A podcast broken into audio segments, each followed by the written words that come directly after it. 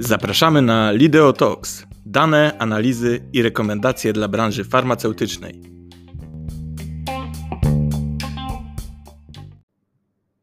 Dzień dobry wszystkim. Zapraszam na nasz pierwszy podcast z cyklu Dane, które kształtują przewagę.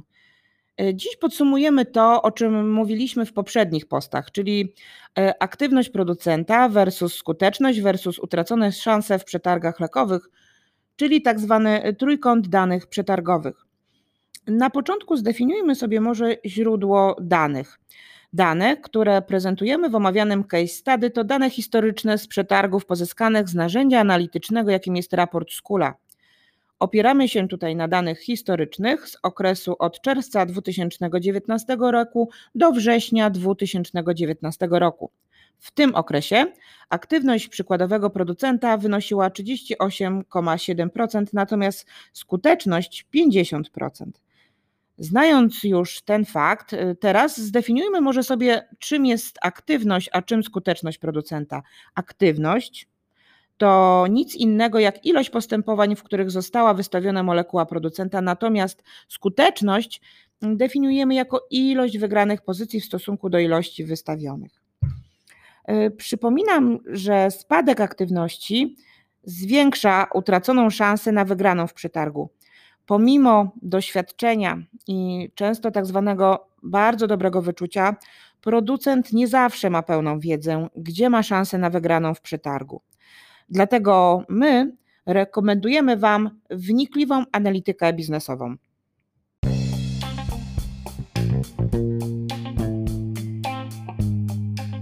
Słuchacie Lideo Talks.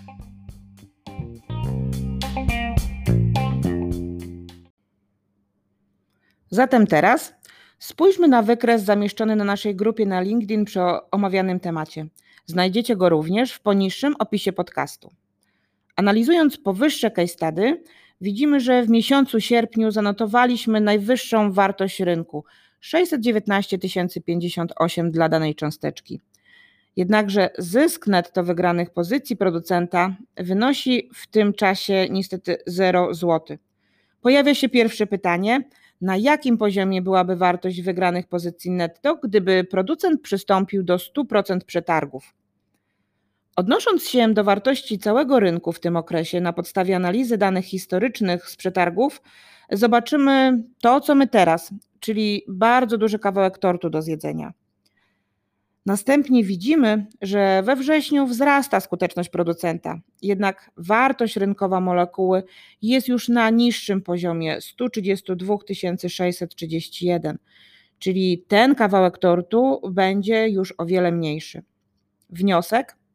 Dzięki analizie danych historycznych zawartych w raporcie można łatwo ocenić potencjał rynkowy danej molekuły i wykorzystać wszystkie niewykorzystane szanse. Na koniec dodam, że wszystkie dane, które, którymi dzisiaj się posługujemy, pochodzą z narzędzia BI, jakim jest Skula. Na dziś to już wszystko. Dzisiejszy podcast y, przygotowała dla Was Ania Gaworska-Olszewska. Y, Czekam na Wasze komentarze i spostrzeżenia. Dajcie znać, co o tym myślicie. Do usłyszenia.